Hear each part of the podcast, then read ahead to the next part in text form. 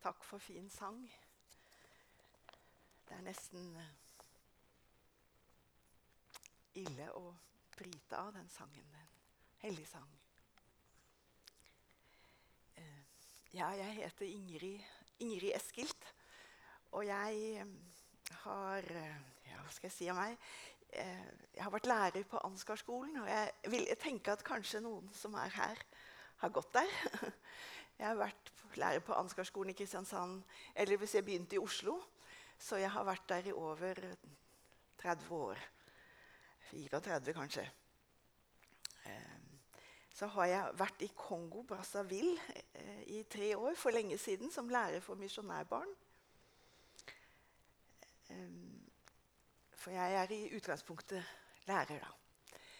Og så må jeg si at jeg har noen tilknytning til denne menigheten. For det første så jeg, var jeg her da Stein Bjørkholt for lenge siden ble innvidd til misjonær i Colombia. Han var min kjære student, så jeg var med på den høytidelige innvielsen. Men så har jeg noen røtter som er enda lenger enn som så. Jeg, jeg, tror faktisk at mine foreldre møtte hverandre ikke her på Vegårshei, men, men i Guds menighet sitt hus Fia, i Fiansvingen på Fianhuset, som de kalte det. Min mamma kom fra Holt.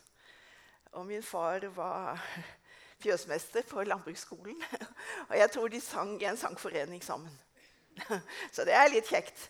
Men enda lenger tilbake har jeg noen røtter. Og det er at min farfar, som jeg aldri har sett, han døde her på Vegårshei i 1930. Han var anleggsarbeider og jobbet på, på jernbanen her på Vegårshei da han ble sjuk, 40 år gammel. Og en eldstebror i menigheten her ba med ham til frelse.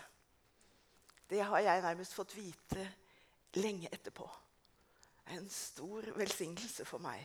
Og Derfor kjenner jeg at, eh, at selv om jeg syns det er skummelt å stå på talerstol, så er det også veldig stort å være her. Jeg kjenner at jeg har dype røtter her. At Gud må velsigne denne menigheten, som har vært til velsignelse for min familie, men for mange mennesker. Så har jeg forstått at dere har begynt å grave dypt i Efeserbrevet. Og det tenker jeg er veldig smart. men, men, jeg ble tenkte oi, oi, skal jeg klare dette? For jeg skal altså i dag forsøke å si noe om Efeserbrevet kapittel 1 vers 4. Og så vet jeg at uh, det er blitt snakket om Efreserbrevet to ganger før. Så, så, faren er at jeg kommer sikkert til å si noe som noen andre har sagt før meg. Men sånn får det være, da. Ja. Uh, jeg, jeg, skal tale primært om vers 4, men jeg har lyst til å lese Jeg leser fra første kapittel i Efeserbrevet, fra 1 til 6, bare for å få en liten sammenheng. Paulus, etter Guds vilje Kristi Jesu apostel hilser de hellige i Efesos, de troende i Kristus Jesus. Nåde være med dere og fred fra Gud, vår Far og Herren Jesus Kristus. Velsignet er Gud, vår Herre Jesu Kristi Far, Han som i Kristus har velsignet oss med all åndens velsignelse i himmelen. I Kristus utvalgte Han oss før verdens grunnvoll ble lagt til å stå for hans ansikt hellige og uten feil. Det er det verset jeg skal snakke om. Jeg skal gjenta det etterpå. I kjærlighet og etter sin egen gode vilje avgjorde han på forhånd at vi skulle få rett til å være hans barn ved Jesus Kristus.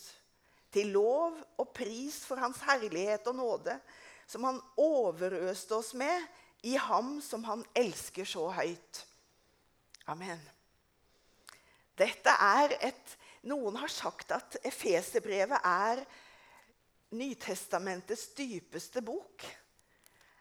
At i løpet av seks små kapitler så utdyper Paulus rikdommene og Guds frelsesplan fra evighet til evighet og rikdommen vi har i Kristus. Så jeg tror dere gjør veldig lurt i å fordype dere i dette brevet. Vi tror eller Vi vet at det er skrevet at Paulus skriver dette i fangenskap. Paulus satt i fangenskap litt forskjellige steder, så noen tror at, satt, at dette er skrevet mens han satt i fangenskap i Roma mellom 58 og 60. Men i alle fall, vi vet at Paulus hadde jobbet i, i Efesos lenger enn i de fleste andre steder. Og Efesos var en hovedstad i den romerske provinsen Asia. Og Vi leser om Paulus sitt opphold der, både i kapittel 19 og 20 i apostelgjerningene. Efesos var en flott og vakker by, eh, en stor by på den tida, med mennesker fra store deler av det romerske riket. Og mange religiøse og filosofiske retninger var representert i denne byen. Og mest berømt eh, var den for et eh, storslått tempel for gudinnen Artemis som var en av oldtidens sju underverker, sies det. Og så vet vi at det var en jødisk synagoge der. Og så, etter vekkelsen, da, som Paulus var med på eh, I Efesus så var det en kristen menighet der. Slik at på mange måter altså Dette var en tid som er veldig forskjellig fra vår. Og på den andre sida er det mange likhetstrekk. Vi opplever mer og mer at vårt samfunn blir full av alle slags retninger og meninger. Det var ikke ukjent for de første kristne. De levde i en sånn sammenheng. Og så tror vi nok at dette brevet ble delt med mennesker som også levde utenfor Efesos. De hadde ikke Facebook og sånn, så de de måtte lese og frakte disse dyrebare skriftene og brevene fra sted til sted. Så vi kan regne med at det var mange som kunne være med å lese Efeserbrevet og alt det Paulus skrev der. Og Derfor kan vi også ta til oss og si at eh, dette brevet er skrevet til de hellige, de troende i Kristus, på Vegårshei. Og der står allerede det uttrykket som jeg er sikker på at dere alt har snakket om. Dette å være i Kristus. Det er en kjempeviktig del av dette brevet. Og jeg har tenkt å si noe mer om det, selv om det kanskje er blitt snakket om alt. Det gjør ikke noe. For den rikdommen er så stor, han kan aldri utdypes nok. Um, og så er det også en veldig viktig ting dere som alt nå har bedt for og er veldig bevisste på at Guds menighet finnes overalt i denne verden. Aldri har den funnes i så mange deler av verden som nå. Um, og den kristne, universelle menigheten står det ganske mye om i Efeserbrevet. Hvordan Kristus er hodet for en kropp som i dag Tenk på det. I dag beveger den kristne menigheten seg i Afghanistan. Når alle andre er gått, så er det deler av Kristi kropp som er der. I ham er eh, Kristus er skillet mellom jøder og hedninger revet ned.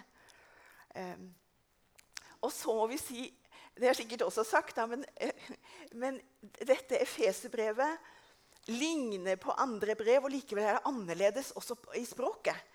Det kan vi ikke se av oversettelsen her, men eh, det er sånn som f.eks. Romer- og Galaterbrevet har en sånn læredel om hva kristen tro er for noe. Og så har den en slags del som handler om praksis. Hvilken betydning får det for mitt liv? at Det er slik. Det, det har både Romer- og Galaterbrevet, og det er også dette brevet. Men den der læredelen den er her nærmest som en, en kjempestor lovsang. Det er akkurat som Paulus er nærmest i ekstase. Det er et slags overflødighetshorn. Han begynner å takke Gud, som har velsignet så veldig. Og så tar det ene det andre, er det akkurat som. Slik at han, Ånden kommer til ham. Han blir helt, Så det ene etter det andre kommer. Og fra vers 3 til og med vers 14 er det ikke et eneste punktum i grunnteksten. Jeg tror han glemmer grammatikk. Ja. For han ser noe så enormt store ting som fins i Kristus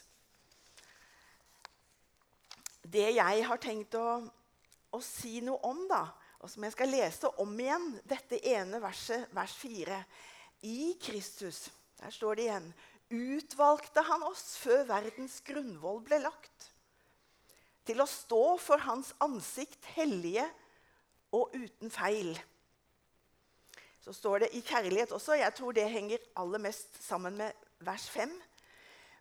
Så jeg har tenkt å si noe om det å være i Kristus. Jeg håper ikke jeg bare gjentar det andre har sagt. Så har jeg tenkt å si noe om det å være utvalgt.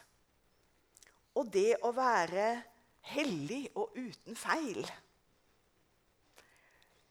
Det, det er ikke lett å snakke om. For det første det uttrykket i Kristus det er uttrykt 164 ganger i Paulus sine brev. har jeg lest. 164 ganger skriver Paulus om dette. Ikke minst her i Efeserbrevet, men også i Kolossebrevet. Mange skriver om dette, at Kolossebrevet og Efeserbrevet ligner på hverandre. Så det er veldig lurt hvis dere vil studere dette og også lese Kolossebrevet siden av.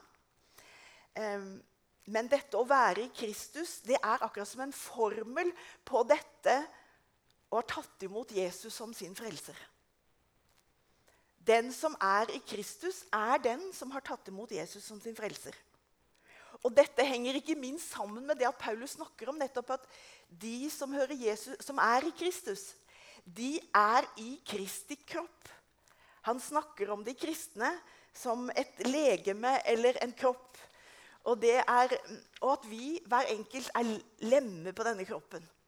Det kjenner dere også sikkert godt til. Det står om det i det er lett å huske, for det står i Rombrevet 12 og det står i 1. Korinterbrev 12 om dette. Og I tillegg så står det mer om, om dette i Efeserbrevet her, men ifra, eh, i kapittel 4, så dette kommer dere til å snakke mer om. Men det er jo sånn at vi som er kommet til tro på Jesus, vi fødes inn i denne kroppen. Og hver, hvert enkelt lem av oss, hver enkelt av oss, får dermed livsfellesskap med Kristus. Og livsfellesskap med alle de andre som tror. Og det betyr at alle frelsesløfter som er gitt i Kristus, får vi del i. Derfor er det, en, en, det å være i Kristus, å være en kristen, det er en rikdom som er umåtelig stor. Eh, Gud har i Kristus, det ble sagt forrige søndag, velsignet oss med all åndens velsignelse i himmelen. Allerede nå. Dette gjelder både den universelle menigheten og den gjelder i den lokale. Men så fins det også i Nytestamentet andre måter å snakke om denne livsforbindelsen og samfunnet med Kristus. og være forent med Han. Vi kan f.eks. bruke bilder som evangelisten Johannes bruker. Og som dere kjenner godt, Johannes evangeliet kapittel 15. Om at vi er greiner på et vintre. Jeg har ikke vært noe særlig borti poding, men jeg, jeg, har skjønt at det å pode trær, det er at man kan ta en grein fra et, et, eller annet tre og pode på, på et annet tre. Eh, og hvor de to sårflatene, greinets sårflate og treets sårflate, møtes, og at ikke det kommer noe urent imellom. Da strømmer kraften fra treet ut i greina. Det er en fantastisk ting. Og det har blitt Vet dere at Første gang jeg hørte dette, da var jeg tenåring, og det var på Fianhuset i Arne, her i, ikke langt unna, som hørte til Guds menighet. Da ble dette sagt, og det som ble sagt, var at mine sårflater, Ingrids sårflater, alle mine nederlag, min håpløse egoisme og selvopptatthet, synder og alt det jeg skammer meg over, Alt det er podet mot Det er mine sår. Er podet inn på Jesus sår. Han som renser fra all synd. Og da er jeg i Kristus. Hans kraft. Det er ikke min, jeg er i hans. Dere har ikke utvalgt meg, men jeg har utvalgt dere. Og satt dere til å gå ut og bære frukt. Det er altså ikke noe vi tar oss til, det er noe som skjer fordi vi lever i livsforbindelse med Kristus. Hans kraft blir vår kraft. Når Paulus skriver om åndens frukter i Galaterbrevet 6 kjærlighet, glede, fred, overbærenhet og vennlighet og godhet, trofasthet, ydmykhet og selvbeherskelse Hvis det er noe vår verden stønner og lengter etter, så er det disse fruktene. Og de kan vi ikke produsere selv. Men ved å være i Kristus så er det vårt løfte. At Kristus skal gjøre det. Kristus er vår livs kilde. Den går aldri tørr. Jeg begynner å bli så gammel at mange ganger kjenner jeg nei, jeg orker ikke mer. Kristi kilde går aldri tom, aldri tørr. Den som tørster, kom til meg og drikk, sier Jesus. Den som tror på meg, fra hans indre skal det renne elver, står det i den nye oversettelsen, av levende vann. Så hverdagskristendom, der hvor jeg bor, eller her hvor dere bor på Vegårshei, det er ikke en appell om å ta oss sammen litt mer. Men det er om å leve livet i Kristus. Slik at det han har gjort for oss og i oss, springer ut i hverdagslivet vårt. Det er viktig å merke seg at når Paulus skriver om eh, å være i Kristus, så skriver han det som et faktum, noe som er der. Som ikke jeg behøver å føle spesielt. Eller hvor mye føler jeg i dag at jeg hører med til, til Kristi kropp? Eh, det han skriver sånn grammatikalsk Jeg er ikke god i grammatikk, men i hvert fall betyr det at han skriver om et faktum. Du er i Kristus. Så sant du har tatt imot ham, så er du det. Det er sannheten om deg. Du er i Kristus.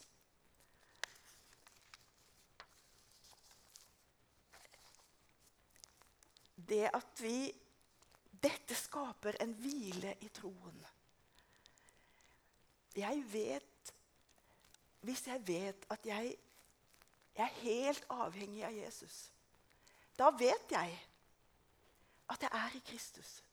Jeg vet at hans rikdommer de springer gjennom min kropp, gjennom min ånd som jeg har fått. Vi har, Men vi har alt dette i Jesus. Luther kalte dette for det salige byttet. Han Jesus har fått alle mine nederlag og egoisme og alt det som jeg snakket om.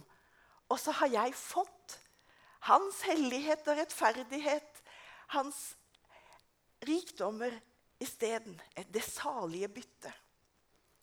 Det fins en, en, enkel salme, jeg tror det fins bare ett vers på den, eh, som skildrer dette livsfellesskapet som jeg er så glad i. Du som freden meg forkynner. Du en frelser, jeg en synder.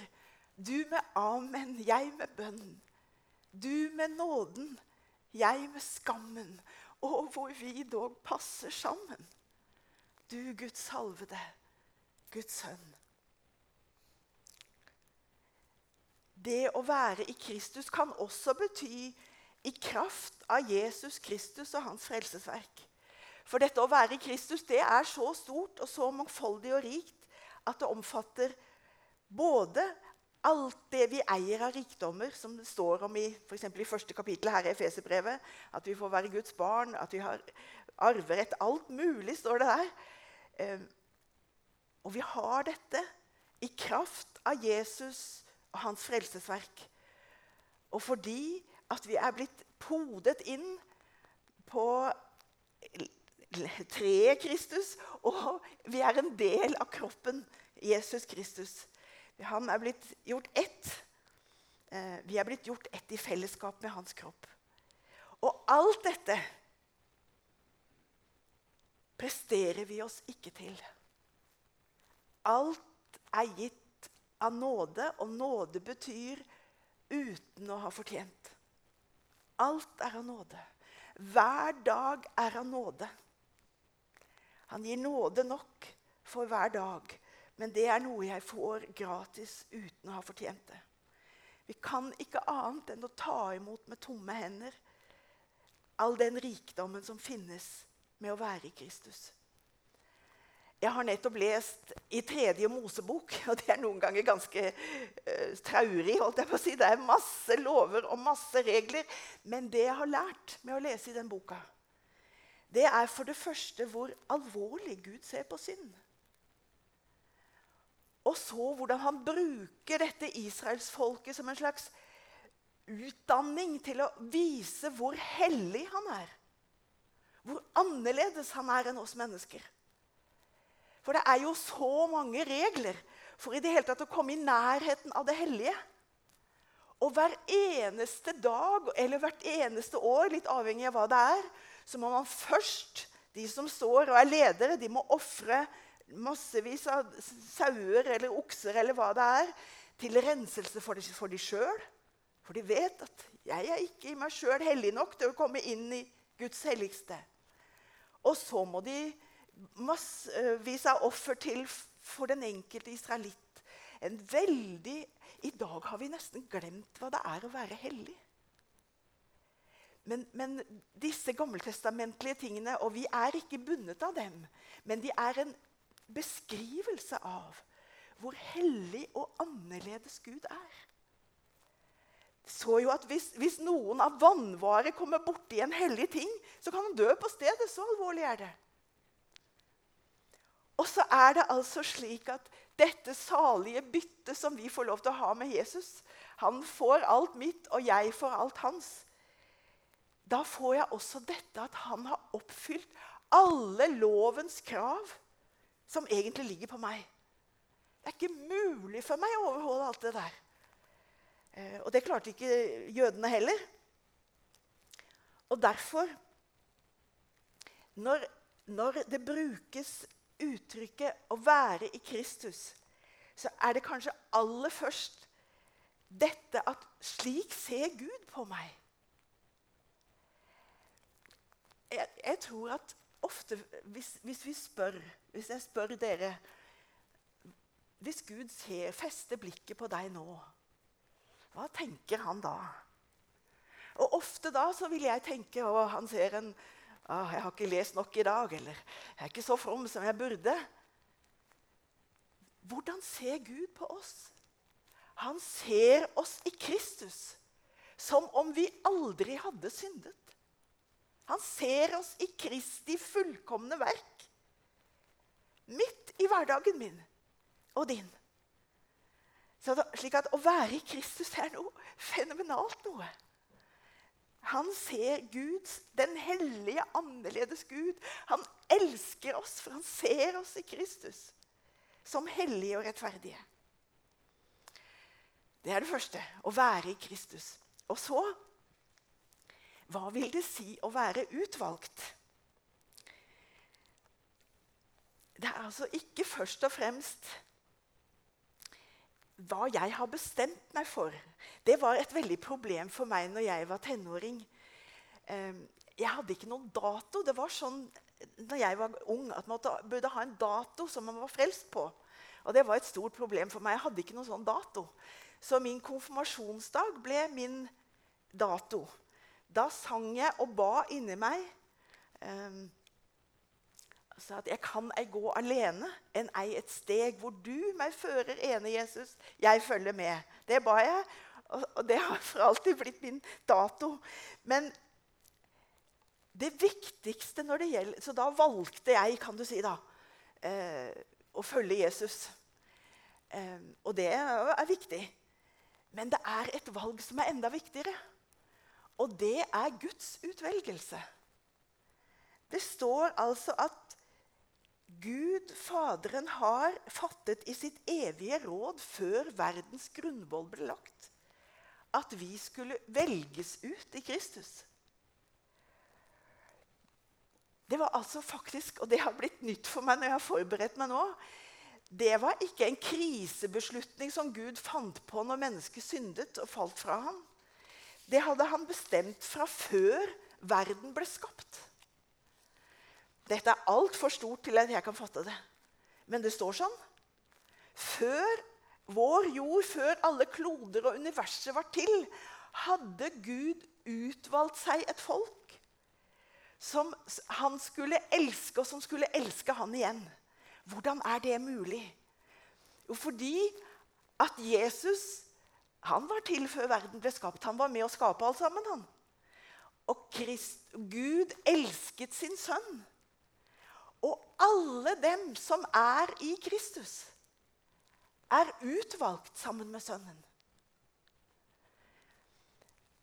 Det har vært veldig godt for meg. Altså, kan jeg være sikker på, For det med utvelgelse det vet dere sikkert at i kirkehistorien har det vært noe voldsomt vanskelige greier. Og Mange sånne teologer og filosofer har tenkt er Gud egentlig urettferdig. Velger han ut noen, og noen velger han til fortapelse, og noen til frelse? og sånn? Det har vært mye styr omkring det. Det som står her, er ikke for at Paulus skal på en måte filosofere om utvelgelsen. Dette er for at vi skal være trygge i den vi er i Kristus. Fordi vi er i Han. Og Kristus er utvalgt. Det vet vi. Så er vi også det fordi vi er i Han. Og derfor kan vi være trygge. Um, det er veldig godt for meg. Jeg, jeg er et enslig menneske. Jeg har aldri vært utvalgt. Men Gud har valgt meg ut. Gud har valgt meg. Gud har valgt deg i Kristus. Vi er plassert i Guds familie. Og dette hadde Gud uttenkt som en plan før verdens grunnvoll ble lagt. Dette ligner på Hvorfor er vi det? Jo, dette, vet dere at dette er Guds kjærlighetsutvelgelse. Det er jo det enhver som blir elsket og utvalgt, elsker. ikke sant? Jeg er elsket spesielt av noen. Men dette at vi er utvalgt i Kristus, det kan ligne på slik som jødefolket ble utvalgt. I 5. Mosebok så står det om utvelgelsen av Israel. Og hør hva det står der. Der sier Gud til folket du er et hellig folk for Herren din Gud. Blant alle jordens folk har Herren din Gud valgt deg til å være hans folk, hans dyrebare eiendom. Når Herren hadde godhet for dere og valgte dere ut, var det ikke fordi dere var større enn alle andre folk, for dere er det minste av alle folk, men fordi Herren elsket dere og vil holde eden han hadde sverget for deres fedre, førte, her, førte Herren dere ut med sterk hånd. Så Gud valgte Hans hjerte valgte hans sønn og alle som hører hans sønn til. Det, kan nok, det der med utvelgelse kan nok brukes noen ganger på det som historisk skjer når vi velger Kristus. F.eks. når Jesus kom og kalte Peter og Andreas og sa Slipp fiskegarnene og kom og følg meg. Men det viktigste det er at Gud fra evighet av har utvalgt oss. Og så er det veldig viktig å si at denne utvelgelsen, da Den er i samsvar med det vi kaller Guds allmenne frelsesvilje. Gud vil at alle mennesker skal bli frelst og komme til sannhetserkjennelse, som det het i gamle dager. Guds nåde er blitt åpenbart til frelse for alle mennesker. Og Samtidig så er det mulig for oss å avvise utvelgelsen. F.eks. den rike unge mannen. Han gjorde det. Men nettopp fordi vi vet at Gud ønsker at alle mennesker på denne jord skal ta imot hans utvelgelse, så kan vi så frimodig formidle evangeliet. Derfor er dere med og støtter misjon eh, rundt omkring i verden. Så vi skal frimodig formidle evangeliet til de som aldri enda har hørt det. Det finnes enda mennesker som ikke har hørt evangeliet. Og vi skal frimodig formidle evangeliet til de som enda ikke har forstått det. Og det er det mange i nordmenn som jeg tror ikke har. Og til dem som ikke har tatt imot det. Vi er utvalgt, og vi skal formidle Guds utvelgelse. Eh, vi som er utvalgt før Kristus, Guds, nei, hva heter det? Før verdens grunnvoll ble lagt. Så over porten til Guds rike, der står det Gud vil at alle mennesker skal bli frelst. Og når vi har gått gjennom den porten, så kan vi på en måte tenke oss at vi snur oss tilbake og ser. Og på innsiden av porten så står det har utvalgt deg fra verdens grunnvoll ble lagt'. Alle mennesker har Gud utvalgt, men noen kan la være å ta imot den utvelgelsen. Men dette er en utvelgelse som hviler i Guds hjerte. Han elsker oss og har valgt oss ut fra verden før verdens grunnvoll ble lagt. Og hvorfor er vi valgt ut? Vi er valgt ut fordi det å være utvalgt, det, er å være hellig. Det er å være, stå til Guds disposisjon. Vi er valgt for å stå til Guds disposisjon og for å elske hverandre. Elske Han og elske hverandre. Og til å prise Hans navn for hans storhet og nåde og raushet. Og så Jeg har ikke sett på klokka, men jeg skal si noen ting om det å være hellig også. Eh, for Gud fattet i sin beslutning, altså fra verdens grunnvoll ble lagt, at vi som tror eh, Vi skulle stå hellige for hans ansikt, hellige og uten feil. Da kan ikke jeg stå der. Jo, jeg kan det fordi jeg er i Kristus. Ja. Ehm, så Gud før verdens grunnvoll ble lagt, det kan ikke vi forstå, men han hadde nok Gud visste alt. Han visste om syndefallet. Han visste om at vi ville falle i synd. Han visste om at mange ville komme og tro på ham. Det, det finnes noen mysterier her som vi ikke har fullt innsyn i. Det eneste vi vet, er at Gud i sin kjærlighet har valgt oss ut og satt oss til å være hellige fordi vi er i Hans sønn Jesus Kristus. Han visste at på dommens dag så skal vi stå for hans ansikt, fullkomne, renset fra all synd, hellige og rene og ulastelige og ustraffelige. Alt dette bare på grunn av Kristus. Det er i Han vi har alt dette. Det var sånn at eh, også i, i, Når jeg leser i tredje Mosebok om disse ofrene som det hadde vært tusenvis av sauer og okser og værer og alt mulig de, de ofret. Og det som var felles for alle disse, de måtte være uten feil og lyte. De måtte være fullkomne. Og når vi en dag skal stå for Guds ansikt, så er vi som disse ofrene. Vi er feilfrie i Kristus. I Kristus. Hellige og atskilt til Guds bruk. Men så var det slik at alle disse ofringene, tusenvis av dyr, det var ikke nok. Det strakk ikke til. Og Derfor var det et annet offer som måtte til for å rense fra synd. Og det er det som er Kristi forløsningsverk. Det er i Kristus og bare der at Gud gjør syndere rettferdig. Ufortjent av Hans nåde blir vi kjent rettferdige og frikjøpt i Kristus Jesus. Han, altså Jesus, har Gud stilt synlig fram for at han ved sitt blod skulle være soningsstedet for den som tror i Kristus. All vår stolthet er i Kristus. Alt det jeg har å rose meg av, er i Kristus. I åpenbaringsboka kapittel 7 så står det om den store, hvite flokken. Som er representert fra alle nasjoner, stamme, folk og tungemål. Det står ikke om dem at de hadde levd perfekte liv.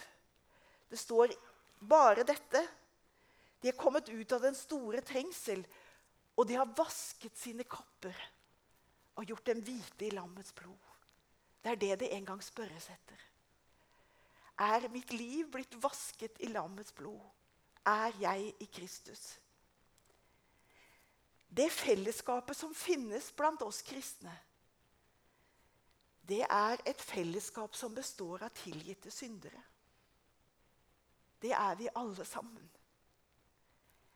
Sist søndag så hørte jeg Bjørn Øyvind Fjell tale. Og han sa noe som skaket meg litt. For han sa Hvor dype er vår kristne menighetsfellesskap? Er vi, og nå snakket han til oss, er vi i frikirkeligheten blitt et fromt fellesskap som bare viser fram fromme fasader?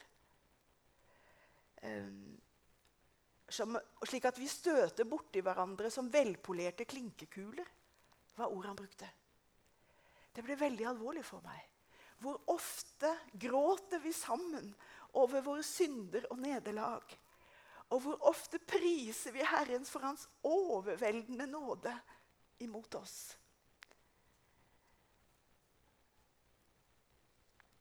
Dette er ingen billig nåde. Det kostet Jesu dyre blod. Og Derfor står det seinere i Efeserbrevet.: Jeg formaner dere, jeg som er fange for Herrens skyld, at dere lever et liv som er verdig det kall han har fått. Men det er ikke et ta seg sammen-liv. Det er et liv hvor Kristi kraft, hvor Åndens liv, lever gjennom oss. Å leve i nåde og av nåde hver eneste dag. Og derfor at vi også er nådefulle mot hverandre. Jeg som har tatt imot så mye nåde. Skulle ikke jeg kunne vise nåde til min neste.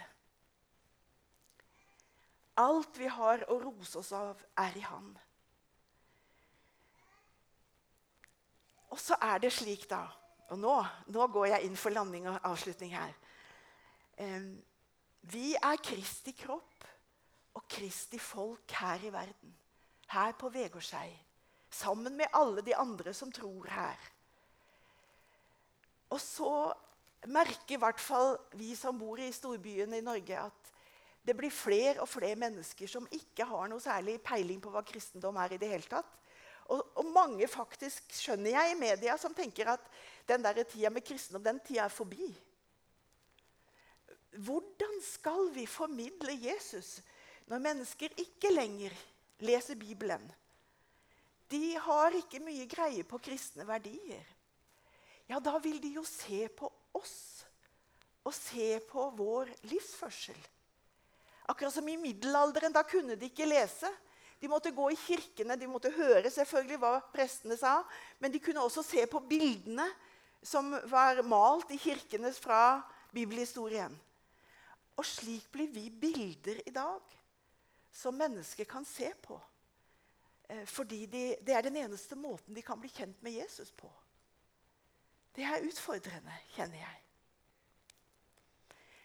Og så helt til slutt Siden det er bare én gang jeg er her og snakker om, om Efeserbrevet, så har jeg lyst til å lese også vers 10.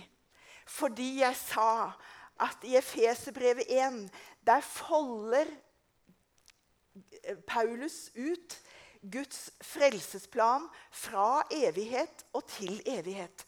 Og jeg har altså sagt at fra før verdens grunnvoll ble lagt, hadde Gud sett seg ut et utvalgt folk. Og vi får lov å høre til det fordi vi er i Kristus. Men så en dag når alt skal ende, så skal også alt være i Kristus. Hør her.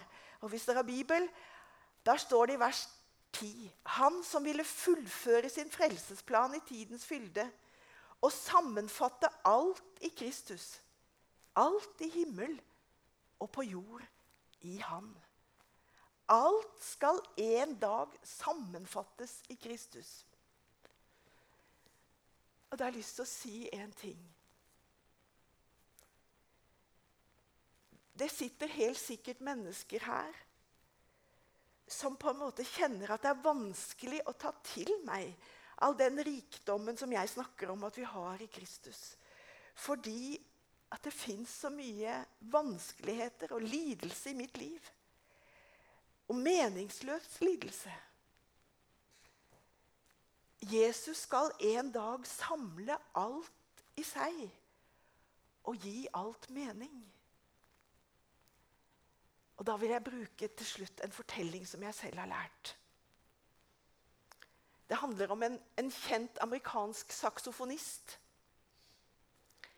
Han var kjent eh, som en meget dyktig saksofonist, og det kom tusener til store musikkhaller for å høre når han spilte. Men av og til så likte han å gå på puber og spille med sånn litt vanlige musikere. Og En gang, en kveld så var han på en sånn pub. Og Folk snakka og brydde seg ikke så mye om musikken før de etter hvert begynte å skjønne her var det en usedvanlig dyktig musiker på denne vanlige puben. her. Hva er dette for noe? Og alle ble mer og mer stille, for dette var så umåtelig vakkert. Inntil alt ble avbrutt av en telefon som ringte med all slags forferdelige lyder. Og alle, Han slutta å spille, alle begynte å snakke om andre ting, og alt var liksom ødelagt. Som et syndefall. Og Folk snakket sammen og glemte det meste. Og så plutselig så begynte musikeren igjen. Og hva begynte han med? Han begynte å ta opp alle disse tonene som fantes i denne fæle telefonmusikken. Først spilte han de. Så samlet han det opp.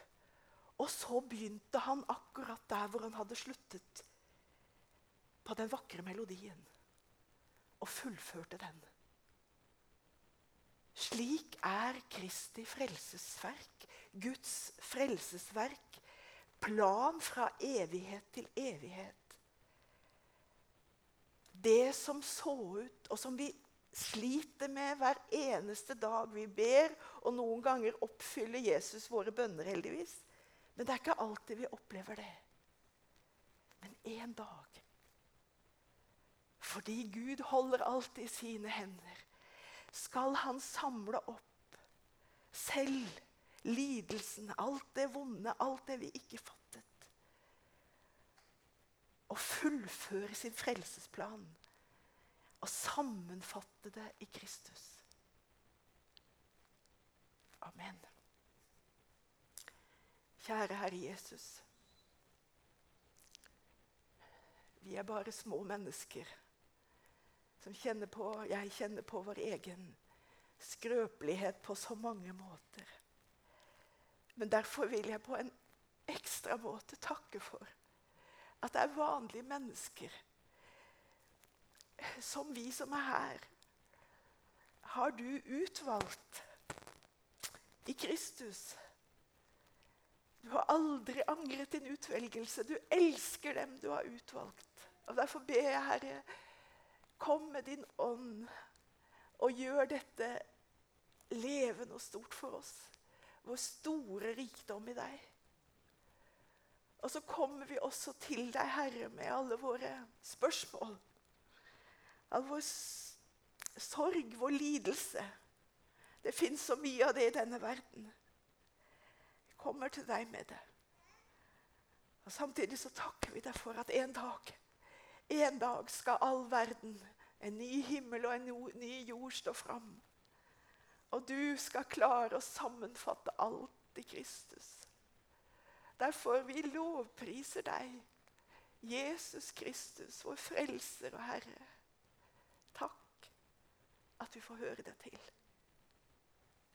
Amen.